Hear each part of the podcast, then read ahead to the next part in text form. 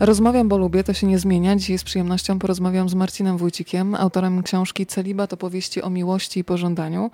E, Marcin napisał dwa lata temu książkę w rodzinie ojca mego, gdzie przedstawiłeś, no ujmę to tak, imperium e, ojca ryzyka, a tym razem prowadzisz e, czytelnika za zamknięte zazwyczaj dla niego drzwi seminariów duchownych, parafii, plebanii.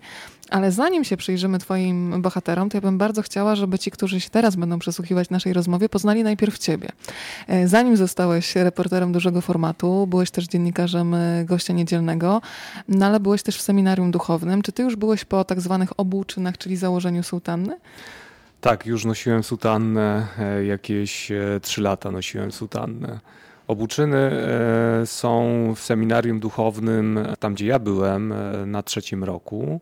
Czasami jest to na pierwszym, drugim, u mnie było na trzecim roku, e, a odszedłem po piątym. Na piątym roku odszedłem z seminarium, więc trochę się nanosiłem.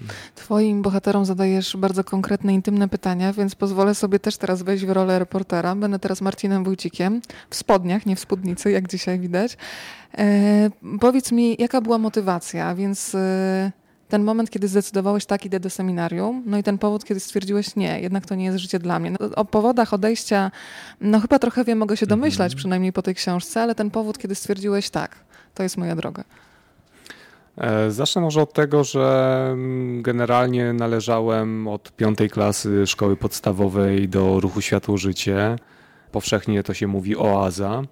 Jeździłem na rekolekcje wakacyjne i jakoś ten Kościół i Bóg e, zawsze byli mi bliscy.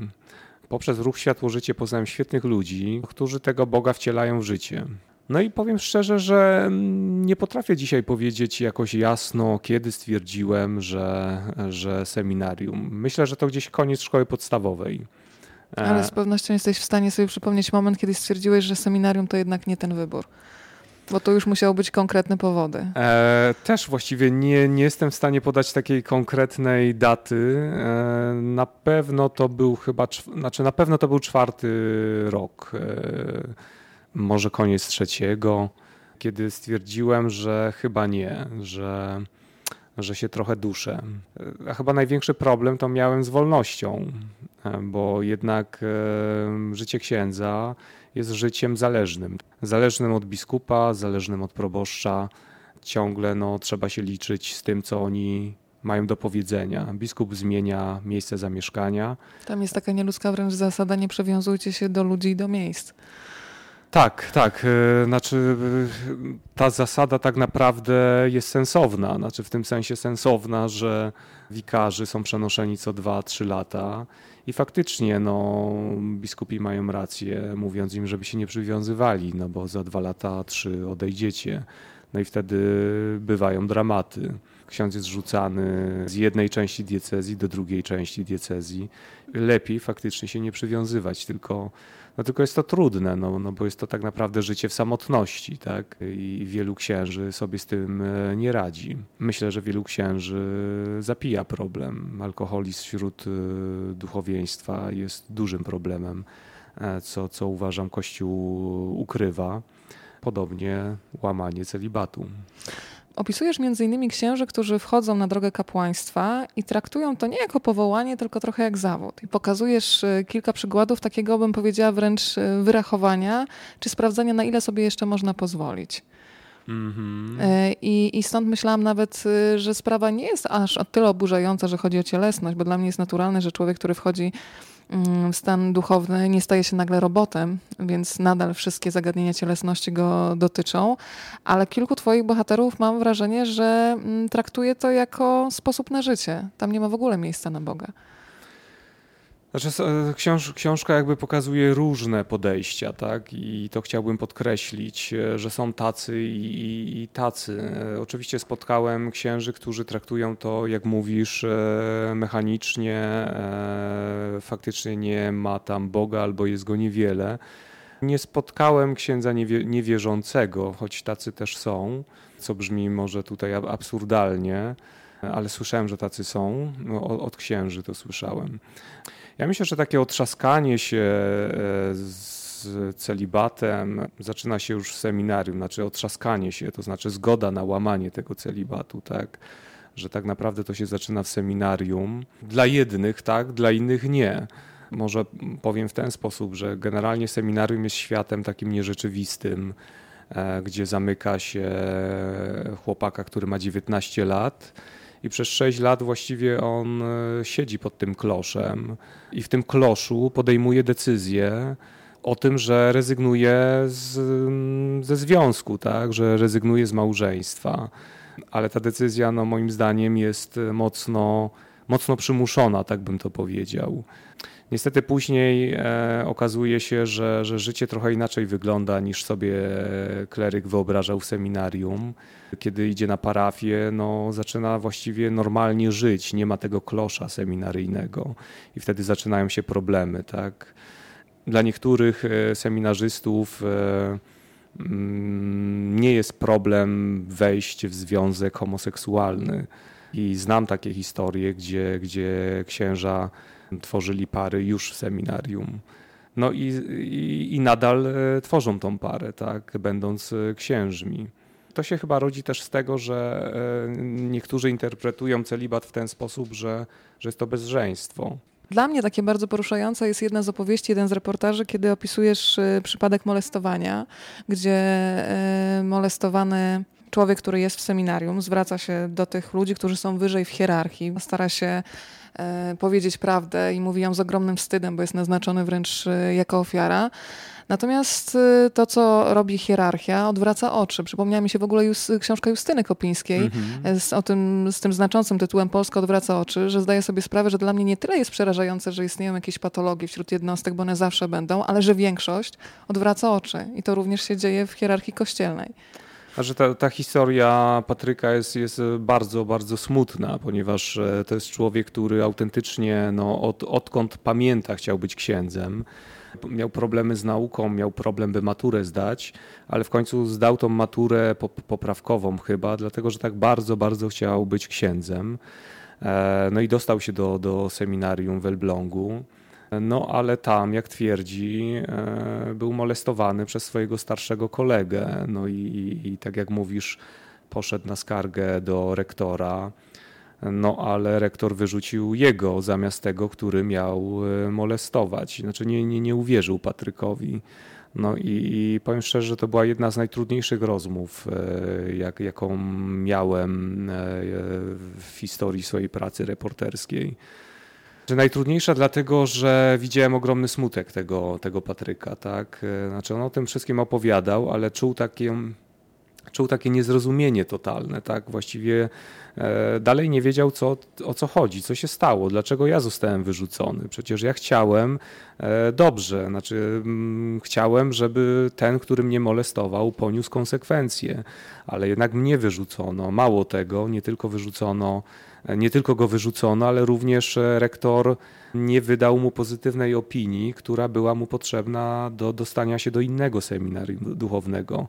Więc właściwie e, rektor zamknął mu drogę do jakiegokolwiek innego seminarium. Usta, Proszę. Zamknął drogę i zamknął usta, tak Zamknął naprawdę. drogę, zamknął, mhm. zamknął usta i, i, i, ta historia faktycznie no, pokazuje, no, że coś jest jednak e, nie tak, tak, nawet w tej formacji seminaryjnej. Nie wiem, jak jest dzisiaj, jaka jest dzisiaj historia tego chłopaka, który miał molestować Patryka, ale wiem, że on otrzymał święcenia diakonatu. To są takie pierwsze święcenia przed święceniami właściwymi kapłańskimi. Dla mnie ta książka to też jest w ogóle szerzej opowieść o ciele, e, które w ogóle w religii katolickiej, już nie mówię tylko o osobach, które się decydują na stan duchowny, jest postrzegane tak, jakbyśmy mogli odłączyć uczucia, emocje od ciała. A te uczucia i emocje, chcemy czy nie chcemy, one są zapośredniczone przez ciało. Znam mnóstwo też par, które E, są związane z Kościołem, ale cały czas żyją w poczuciu jakiegoś grzechu, że miłość ma służyć w zasadzie prokreacji. Jeżeli jest inaczej, jest problem, jest grzech i to są ludzie, którzy są naznaczeni. I tutaj też mam wrażenie, że to ciało jest y, od razu jakby poprzydzielone do tych mrocznych stref. Jak sobie z tym mhm. radzą? E, tym bardziej, że twoi rozmówcy bardzo często podkreślają, że to, czego by potrzebowali w seminarium, to przynajmniej zajęcia seksuologii, seksualności. E, natomiast jedyne, jakie się pojawiły, to zajęcia pod hasłem Stop ideologii gender i to jest wszystko. No tak, jest, jest w jednym, e, to, to, to w Elblągu, chyba Patryk o tym właśnie mówi. Problem oczywiście jest z formacją seminaryjną. Dla mnie wciąż to jest niezrozumiałe, że że zakazuje się właściwie e, na całe życie młodym chłopakom mm, kontaktów seksualnych. To znaczy właściwie mają zapomnieć o swojej seksualności, że nawet masturbacja jest e, grzechem, z którego trzeba się wyspowiadać. Nawet nie masturbacja, tylko samogwałt. To jest, to jest słowo Kościoła, które już jest nacechowane bardzo negatywnie. Tak. Samogwałt. Więc, więc zakazuje się tym chłopakom e, prowadzenia jakiegokolwiek życia seksualnego, a jednocześnie nie daje się im e, odpowiednich narzędzi ani wiedzy, jak sobie z tym e, poradzić. Oczywiście są ojcowie duchowni, do których można pójść, w każdym seminarium jest ich przynajmniej dwóch, do których można pójść, e, poradzić się, opowiedzieć o swoich problemach. Tylko, że z mojego doświadczenia, jak i z doświadczenia wielu innych księży, z którymi rozmawiam, ci ojcowie duchowni nie mają wykształcenia często ani psychologicznego, a już no, w ogóle pod kątem seksuologii, tak? E, więc często jedyną radą takiego ojca mm, jest e, modlitwa. Tak? Masz problem, to się możesz pomodlić, e, zawierzyć Bogu. Też słyszałem historię, że, że ten ojciec nawet nieraz gani tych kleryków, którzy mają problem. No jak to? Masz, masz problem z masturbacją? No, no to widocznie za mało się modlisz, tak? za mało spędzasz czasu w kaplicy. No, takie a... dziecięce myślenie na zasadzie zamknę tak, oczy, nie będzie problemu. Tak, tak, tak, dokładnie, dokładnie jest to takie myślenie, więc no ale często, często ci klerycy jakby przez, przez ten czas seminarium potrafią jakoś tam przebrnąć e, nie, nie zastanawiając się wiele nad tym, nad, nad, nad swoją seksualnością, jakoś uciszając tą seksual, seksualność.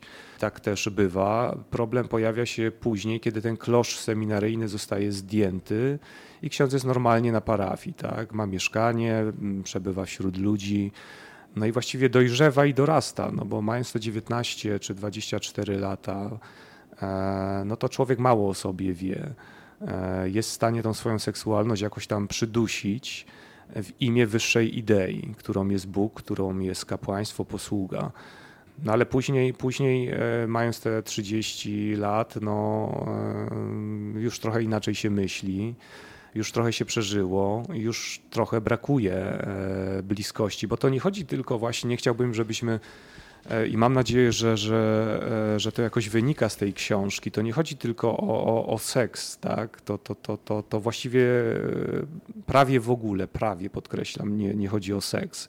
To chodzi o potrzebę bliskości z drugą osobą, tak? Potrzebę bliskości, potrzebę akceptacji.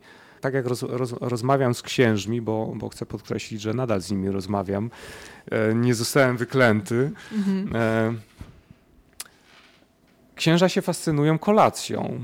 E, zaprosiłem, był niedawno u mnie w mieszkaniu mój znajomy ksiądz i widziałem, jaką frajdę robi mu zrobienie kolacji, że on sam może wbić jakieś tam jajka czy, czy pokrojoną kiełbasę na, na, na patelnię. On po prostu się tym jakoś, no e, trudno jest mi tutaj to opisać nawet, ale widziałem ten jego stan uniesienia i, i tak się, tak się dobrze, dobrze czuł z tym, tak. Więc e, księżom no, brakuje takie, takiego domowego ciepła.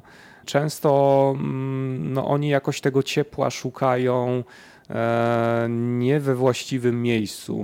Może tu przytoczę historię też z książki księdza, homoseksualisty, który e, stwierdził, że mm, będzie się umawiał na seks, ale tylko raz, w sensie z danym mężczyzną tylko raz, po to, żeby się w nim nie zakochał że jakby na chwilę będzie blisko, ale później ucieka, bo boi się tego, co by mogło być dalej. Interpretacja, którą wyniósł z seminarium, brzmiała, że on musi mieć niepodzielne serce. Że jeżeli się zakocha, no to to serce już jest podzielne. Wstrząsający jest ten moment, kiedy on mówi, jak mogę mieć, i tutaj pada mocne słowo, niepodzielne serce, skoro każdy z nas ma to serce podzielone naturalnie dla mamy, dla ojca, dla dziecka, yy, dla zwierzęcia, które posiada, więc jeżeli masz niepodzielne serce, to jest taki moment buntu, to masz tak naprawdę skałę zamiast tego serca. Tak, ale to mówił drugi już tak. ksiądz, to, to, bo, bo właśnie w tej książce są takie dwa momenty, gdzie, gdzie księża mówią właściwie to samo. Ten homoseksualista mówi o tym niepodzielnym sercu, a później mówi to ksiądz, który jakby szukał bliskości u nauczycielek, tak? bo był katechetą cenionym, e, więc związał się tam dwa, trzy, trzy razy z, z nauczycielkami i on właśnie mówi, że, że, że on tego nie rozumie, że, że, że każdy ma podzielne serce, a jak masz niepodzielne, to właśnie jesteś kamień, tak? No, ale jakby jeszcze wracając do, do, do, te, do tego, co przedtem powiedziałem, więc, więc jakby nie, nie chodzi o seks, chodzi o, o bliskość. Głównym problemem celibatu jest właśnie to, to, to poczucie takiego osamotnienia, i tak jak no, przytoczyłem tą historię tego mojego znajomego, który po prostu widziałem, jak był w transie, jak on mógł zrobić kolację u mnie, tak, tak, tak, tak czuł się, no, czuł się jakoś tak domowo, tak. Ja się tylko zastanawiam nad jedną sprawą, że przecież jeżeli człowiek ma powołanie i chce służyć Bogu, może też robić to w sposób cywilny, mając rodzinę.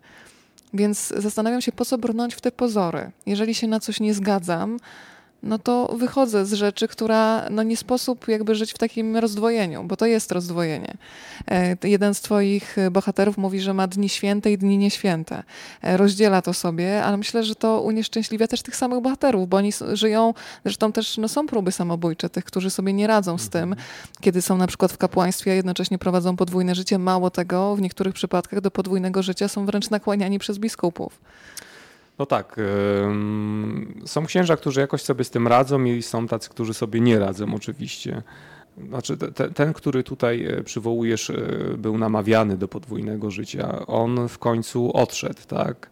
Biskup namawiał go, że, żeby został, że da mu czas e, na spotykanie się z Iwoną. On był tym zgorszony, tak? że, że, że w ogóle z ust biskupa pada taka propozycja i on odszedł. Y, oczywiście odsunęło się od niego środowisko, odsunęli się znajomi, odsunęli się przede wszystkim księża. Nie jest łatwo odejść, y, dlatego że ksiądz y, po pierwsze nie ma wykształcenia właściwie. Jedyne co mógłby robić tak naprawdę to uczyć religii w szkole, no ale tej religii nie może uczyć, bo Polsce przynajmniej, e, bo episkopat się nie zgadza, aby były ksiądz był katechetą.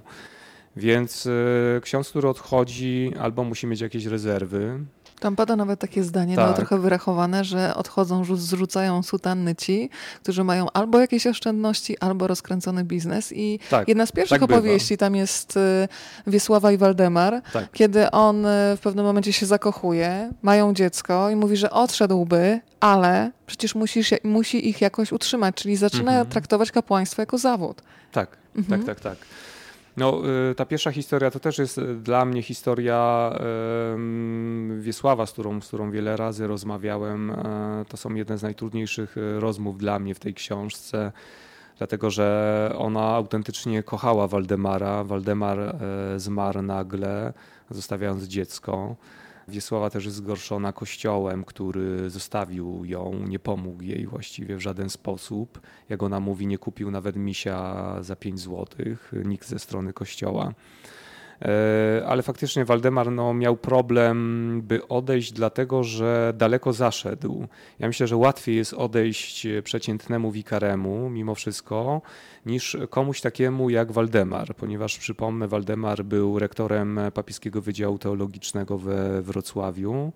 E, miał zajęcia na Politechnice i na Akademii Muzycznej, z tego co pamiętam, zajęcia z etyki. E, miał intencje mszalne, więc Waldemar sobie dobrze radził e, finansowo i miał zostać biskupem. I już był w Rzymie na rozmowie u kardynała Tarsizio Bertone, z tego co pamiętam. E, no tylko, że mm, ktoś doniósł, jego przyjaciel doniósł, że jest w związku, kardynałowi, że jest w związku z Wiesławą i że ma syna. No i na następny dzień Waldemar zmarł na serce. więc być może nie, nie, nie wytrzymał tego, że, że, że to się rozniosło, tak? że, że to wyszło. Tutaj miał być biskupem za kilka miesięcy, a tutaj jakby no wszystko legło w gruzach tak naprawdę ten plan. Ale oczywiście są księża, którzy przygotowują się wiele lat, znaczy wiele lat, kilka lat wcześniej przed odejściem. E, jest tutaj historia w książce księdza, który ma sklep internetowy. Jest nadal księdzem, ale ma sklep internetowy, który pozwoli mu odejść. Znaczy, ja po części rozumiem e, tych ludzi, którzy no, chcą zabezpieczyć byt swojej rodzinie, partnerce, e, jest dziecko. No, jeśli odejdą, to właściwie no, zasilą e, grono bezrobotnych. E, a żeby utrzymać się na jakimś tam poziomie, no, no muszą mieć jakieś zapasy, tak? Więc zanim odejdą, organizują sobie, nie wiem, albo właśnie firmę jakąś. Znam też księdza, który ma firmę budowlaną ale nie zamierza odejść e, z kapłaństwa, tylko jest to jakiś tam zastrzyk e, gotówki.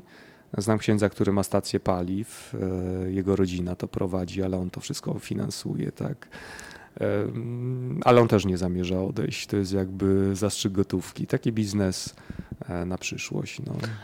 To ja powiem Ci, że po tej książce miałam dwa marzenia. Trochę się chciałam otrząsnąć, bo dużo było takich historii wręcz oblepiającego zła i pomyślałam sobie, czy Marcin Wójcik wpadłby kiedyś na taki trop i może by za nim podążył, chociaż wiem, że to jest jakby temat e, dużo mniej chwytliwy, żeby pokazać, no bo żeby też zachować równowagę. Całą masę fantastycznych ludzi, którzy istnieją w hierarchii Kościoła, takich bezimiennych bohaterów, e, którzy są właśnie bardzo daleko od mediów, od prasy i to, co robią, robią w takiej absolutnej cichości ducha. I też ludzi, którzy są w ogóle poza Kościołem, ale ja na przykład mam takie spostrzeżenie, że bardzo często spotykałam na swojej drodze ludzi, którzy deklarowali wręcz, że byli ateistami, a oni dla mnie, y, pomyślałam, byli na przykład tacy ludzie, którzy mi odczarowali święta, albo pokazali mi, jakby oni byli nośnikiem Boga. Mm -hmm. może książka jeszcze o takich ludziach, żeby było to trochę tej równowagi, bo faktycznie, kiedy się czyta celibat, no to ten obraz kościoła jest tak czarny, że ja bym chciała trochę światła wpuścić. Mm -hmm. e, to znaczy tak. E, ja myślę, że Kościół wystarczająco chwali się swoimi dziełami i, są, ma swoje media, które które pokazują ten, ten, tylko, fajny, właśnie, ten fajny świat. Tylko tak? właśnie wiesz, znowu to jest zawężone, że to są media tego kościoła e, mhm. i myślę, że ten przekaz, który jest tylko nadawany przez media kościelne, do wielu w ogóle nie dotrze, ponieważ jesteśmy już impregnowani. Mhm. Jeżeli masz uczulenie mhm. na kościół i jego hierarchię, to nie włączysz e, tego mhm. radia, który będzie ci mówił o mhm. dobrym przekazie. A wielu jest znaczy... tych cichych, o których warto powiedzieć chyba. Ale myślę jednak, że rolą y, dziennikarzy, rolą reporterów jest pokazywanie chyba tego, co kuleje, e, po to, żeby to naprawiać. Tak? To tak wyobraźmy sobie e, wiadomości. E, mówię o wiadomościach ogólnie, a nie, nie o tych, o których pomyśleliśmy. pytanie, tak. Mówię ogólnie o programach informacyjnych w telewizji. No, generalnie tam się pokazuje to, co, to, co no, nieprzyjemne, złe, e, to, co niefajne, to, co się tam jakoś, to, co tragiczne. E, wiadomości, programy informacyjne nie są zbudowane. I to jest straszne, bo się karmisz tym i masz wrażenie, że wyjdziesz z domu i spadnie ci cegła na głowę. Tak, ale, ale, ale też e, jakby rolą dziennikarzy jest, jest pokazywanie jednak tego, co nie domaga. Tak? No, no, mogłaby powstać książka, tomy, gdzie media pewne rzeczy załatwiają. Media, książki pewne rzeczy załatwiają. E, Myślę o Justynie Kopińskiej, prawda? Ile nawet rozwiązań prawnych udało się wprowadzić po jej reportażach. Czy, czy, czy myśląc o wielu innych report, reporterach e, różnych, czy stacji telewizyjnych, czy, czy, czy gazet. Więc jednak no, myślę, że, że przede wszystkim powinniśmy pokazywać to, co, to, co kuleje, tak? A, a z tego, co fajne się oczywiście cieszyć i też o tym mówić, ale, ale no jednak proporcje są takie, że, no, że, że pokazujemy to, to, co nie domaga jakoś, żeby może coś załatwić. Znaczy, ja chciałbym, żeby przez tą książkę, przez celibat, oczywiście rozumiem to, co ty mówisz o, o jakimś takim oblepieniu złem, Słyszałem opinię, że ktoś, e, Majk Urbaniak zresztą powiedział, że chciał tą książkę wyrzucić do kosza e, dlatego że, że był tak e, zbulwersowany tak, ty, ty, tym, co przeczytał, hipokryzją Kościoła zwłaszcza. No ale może jeden, drugi, trzeci biskup przeczyta tą książkę, może coś się zmieni. Ja w ogóle nie wierzę i nie sądzę, że celibat będzie zniesiony. Ale, ale ja bym może, na, może na przykład zajęcia dotyczące seksualności, które powiedzieć. pomogą tym ale ludziom może, jakoś się tak, odnaleźć w tej sytuacji. Tak, tak. Może, może zajęcia właśnie dotyczące seksualności w seminarium. Jest przecież tak zwana formacja stała, tak to się nazywa w diecezji. Obejmuje ona księży, którzy wychodzą z seminarium i tam przez kilka lat e, trwa. To są spotkania chyba comiesięczne w seminarium jeszcze dla tych księży. Może tam trzeba więcej mówić o seksualności. Może trzeba zwracać uwagę na lepszy, na, na, dobór ojców duchownych. Może warunkiem powinno być to, że mają oni ukończenia studia z psychologii, że potrafią jakby się no, poruszać w tym obrębie seksuologii, tak że, że mają jakieś narzędzia, żeby pomagać tym chłopakom.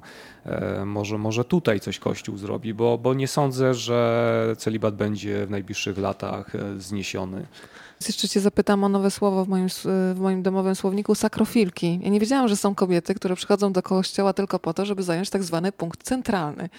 Spotkałeś się faktycznie y, nawet w tym twoim, nazwijmy to, krótkim epizodzie jednak w odniesieniu do całości życia, że są kobiety, dla których wyzwaniem jest no, sprowokowanie w pewnym sensie księdza. Tak, e, są takie kobiety. E, pojęcie sakrofilki, tylko tu przypomnę, ono zostało wymyślone przez samych księży, ale nie powiem w której diecezji. E, są Wiem, kobiety... ale nie powiem. Wiem, ale nie powiem, tak. Są kobiety i to w różnym wieku. Są to starsze panie, dla których właśnie proboszcz jest uosobieniem męskości i one jakoś emocjonalnie z nim są związane. I są kobiety w e, wieku 19 czy, czy, czy dziewczyny w wieku 16 lat, no, które kochają się w swoich księżach e, na rekolekcjach oazowych czy, czy klerykach. E, I no, Ksiądz jednak jest osobą, która jest, jest, jest to osoba ciepła, wyrozumiała. Potrafi słuchać. Potrafi słuchać. Ma uspokajający głos. Oczywiście. I jest też wolny. Co na I przykład, jeżeli mówimy o trzydziestokilkulatkach, tam pada, że ksiądz jest zawsze wolny. Tak, i ksiądz jest zawsze wolny, dokładnie. E, więc jest taka grupa kobiet w różnym wieku, i dziewczyny, i, i starsze panie, które e, wzdychają do swoich księży. E, oczywiście e, nie zawsze to jest odzajemnione. Opisuję w książce dwie sakrofilki. E, jedna tylko wzdycha, a druga konsumuje.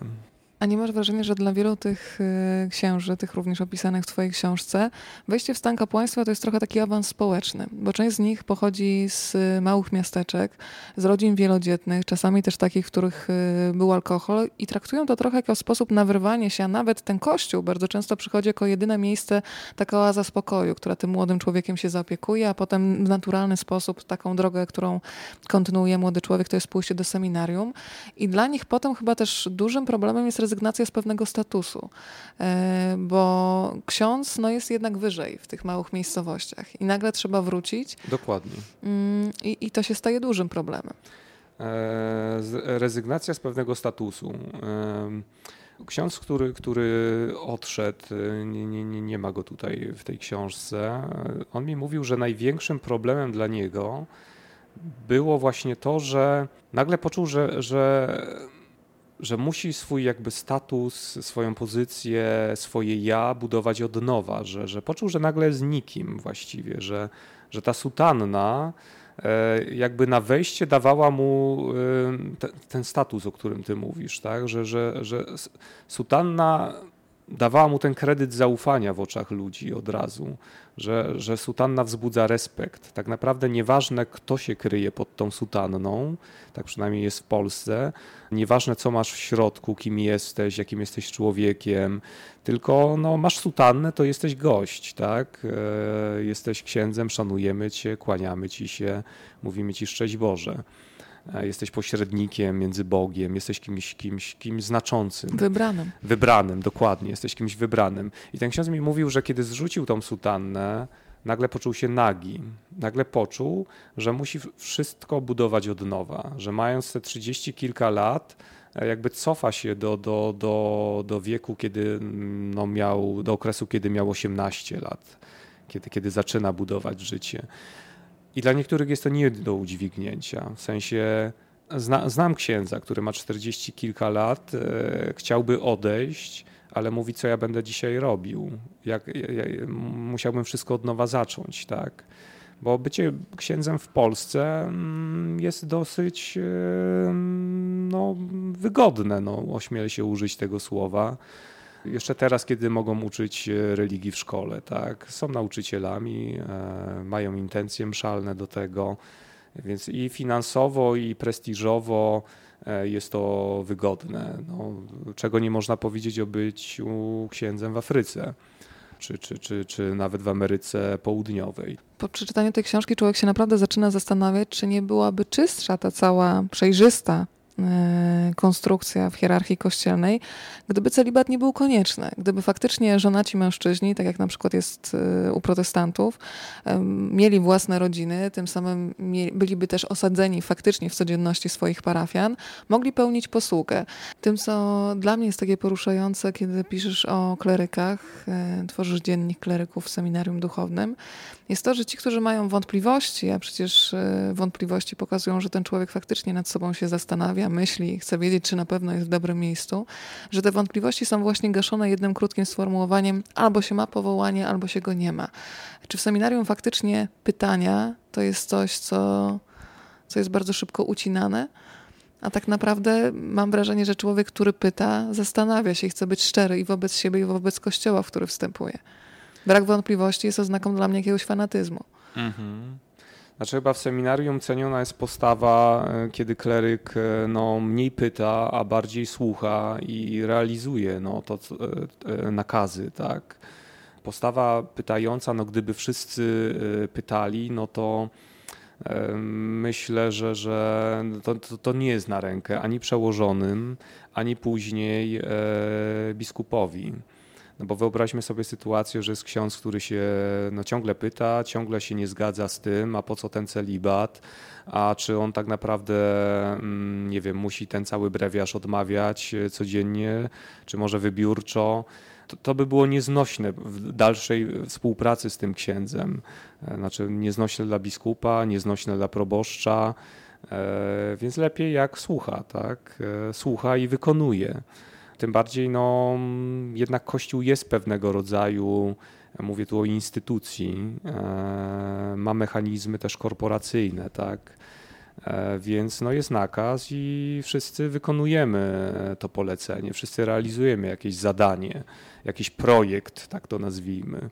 I nie ma dyskusji. Góra ustaliła, reszta realizuje. Komu się nie podoba, do widzenia. No, dostrzegam tu pewne mechanizmy korporacyjne, tak, które, które dzisiaj mamy w Polsce. I dlatego, jeżeli ktoś się wychyli, na przykład jak profesor Józef Baniak e, z Uniwersytetu im. Adama Mickiewicza w Poznaniu e, i opublikuje po prostu wyniki badań, w których, z których wynika, że 60% księży jest lub było w związku z kobietami. Rozumiem, że w trakcie sprawowania posługi kapłańskiej. Ponad 50% chciałoby mieć własne rodziny, a 68% porzuciło kapłaństwo ze względu na celibat, to okazuje się, że po opublikowaniu tych badań e, no, następuje usunięcie z Wydziału Teologicznego. Faktycznie nie ma przestrzeni tak. na dyskusję, nawet w świecie akademickim, gdzie mamy profesora, który po prostu Dokładnie. prowadzi badania. No właśnie tego nie rozumiem, bo Kościół ma wydziały teologiczne, e, ma swoje uczelnie, choćby KUL czy e, Uniwersytet Papieski w Krakowie. E, dlaczego Kościół e, ma swoją kadrę naukową? Dlaczego Kościół nie, sam nie zrobi takich badań, e, z których wyszłoby, no, ilu księży nie przestrzega celibatu? Profesor Baniak tak, został usunięty z wydziału, który on tworzył. Do dziś jest krytykowany przez publicystów katolickich, zarzucają mu błędy metodologiczne. Ja tylko powiem, że badania profesora Baniaka korespondują z badaniami zachodnimi. Są to jedyne, z tego co mi wiadomo w Polsce, badania dotyczące tej materii, czyli, czyli celibatu. Jeżeli Kościół się z nimi nie zgadza, tak jak powiedziałem, niech zrobi własne badania. Jest też przecież Instytut Statystyki Kościoła. Może ten instytut powinien to zrobić. No i profesor Baniak, e, ja próbowałem rozmawiać e, z profesorem, ale odmówił rozmowy. Wydaje mi się, że on już jest tak zmęczony, już jest tak sponiewierany przez e, prawicowe media i, i przez samych e, księży, że, że on już e, no niestety odciął się od tego. A tak jak powiedziałem, no jego badania korespondują z zachodnimi, a także no jakoś mu wierzę, bo, bo zajmował się tym tematem jakieś 20 lat. Od lat 80., od końca lat 80. zajmował się tym, tym tematem, a, a badania opublikował chyba w 2009 roku, jeśli tak mi się wydaje, 2009. Ty przytaczasz też historię pierwszowieki w ogóle Kościoła i mm, są argumenty tych, którzy są za celibatem, e, ale również mówią ci, którzy jasno przypominają, że Jezus powoływał żonatych. E, święty Piotr miał teściową, a skoro miał teściową, no to jasna jest sprawa, że musiał mieć też żonę.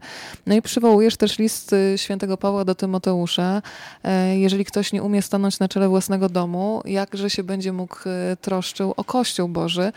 E, przywołujesz też już w ramach anegdoty mm, księdza Tischnera, który podobno kiedy się kładł na popołudniową drzemkę, to mówił, że można go obudzić w dwóch przypadkach wtedy, kiedy będzie dzwonił Ojciec Święty, no i wtedy, kiedy zostanie zniesiony e, celibat. Cały czas się zastanawiam, czy faktycznie to nie jest czysta, czystsza sytuacja, bo tak jak mówiłam, wiele z tych tekstów, pomyślałam sobie, to już są wyżyny hipokryzji, kiedy mamy księdza, który chodzi do klubów gejowskich i zaczyna się tym bawić, albo księża, który przekazując sobie znak pokoju, wykonują też jednocześnie gest otwartości seksualnej, gdzie to sakrum miesza się z profaną w taki sposób, który nawet dla człowieka, który nie jest związany z Kościołem, no jest już uderzający. Mhm. Więc e, czy ludzie, żonaci, tak naprawdę nie są bliżej tych parafian znają ich problemy. Piszesz o seminarium duchownym, gdzie nawet są tak zwane maryśki, czyli osoby, które piorą, które wykonują całą codzienną robotę, powiem wprost, y, za ludzi, którzy są w seminarium. Y, no, żyje się w jakiejś bańce i potem, kiedy się wypada z takiej bańki, to jest chyba jak zderzenie dwóch światów, trochę jakby się z kosmosu przylatywało, może przesadzam. Znaczy, y, księża nawet o tym mówią, e, z którymi rozmawiałem, że dla nich e, celibat e, jest mocno naciągany, znaczy naciągany teologicznie. Oczywiście to, to, to, nie jest tajemnicą. Kościół sam oczywiście przyznaje, że to jest tylko przepis, to nie jest dogmat, żaden do, dogmat objawiony. Celibat ma jakieś tam uzasadnienie w Biblii, ale no moim zdaniem ono jest mocno naciągane. Są to jakieś fragmenty, chyba nawet nie z Ewangelii, tylko z, li, z pism apostolskich, z listów. Więcej znalazłem w Biblii e, jakby zdań, które są e, przeciwko celibatowi, tak? które są za za tym, żeby księża no, mieli, mieli rodziny, choćby, choćby takie zdanie, że biskup powinien być mężem jednej żony. Żeby nie było zgorszenia, e, żeby, żeby nie było zgorszenia. No i, i przypomnijmy, że przez 10 wieków e, celibatu nie było. Jeżeli ten kościół, który się rodził tuż po śmierci Chrystusa, tak prześladowany i tak dalej, i tak dalej, i tak mocny też mi się wydaje, bo, bo, bo, bo, bo niedawno był Chrystus, e, są, e, są jeszcze świadkowie Jego nauczania. Jeżeli ten Kościół, który się rodził tuż po Chrystusie, nie widział potrzeby e, celibatu, tylko pojawiła się ona 10 wieków później, no to to musi być naciągane. Tutaj no, chodziło między innymi o, o majątek, tak? chodziło o dziedziczenie to było głównym powodem. I wszystkie logistyczne sprawy związane z przeprowadzkami księdza na nową parafię. Dzieci musiałyby zmieniać szkoły, żona musiałaby zmieniać zawód, a więc e, sporo się kładzie nacisku na tą logistykę, prawda? O, o, oczywiście tutaj X wiek e, było pewnego rodzaju, nazwijmy to obrzydzeniem ciała, tak? Ciało złe, e, ruchy gnostyckie, ale to już w to może nie wchodzimy, więc, więc jakoś e, cała ta gnostycka nauka e, i, i, i też podejście Kościoła do ciała przyczyniło się również do, do celibatu, tak? wyrzeczenie się seksualności ale to, to jest powiązane właśnie e, z tym e, dziedziczeniem. Był problem. W tej opowieści o celibacie bardzo takim mocnym i powtarzającym się wątkiem u tych, którzy myślą o tym, czy odejść, jest wstyd związany z rodziną. I to jak informacje o tym, że odchodzę z e, kapłaństwa, przyjmuje rodzina. Mogę Cię zapytać, jak to wyglądało u Ciebie? No bo idzie Marcin do seminarium, spędza tam kilka lat, a potem przychodzi i nagle stwierdza, że koniec.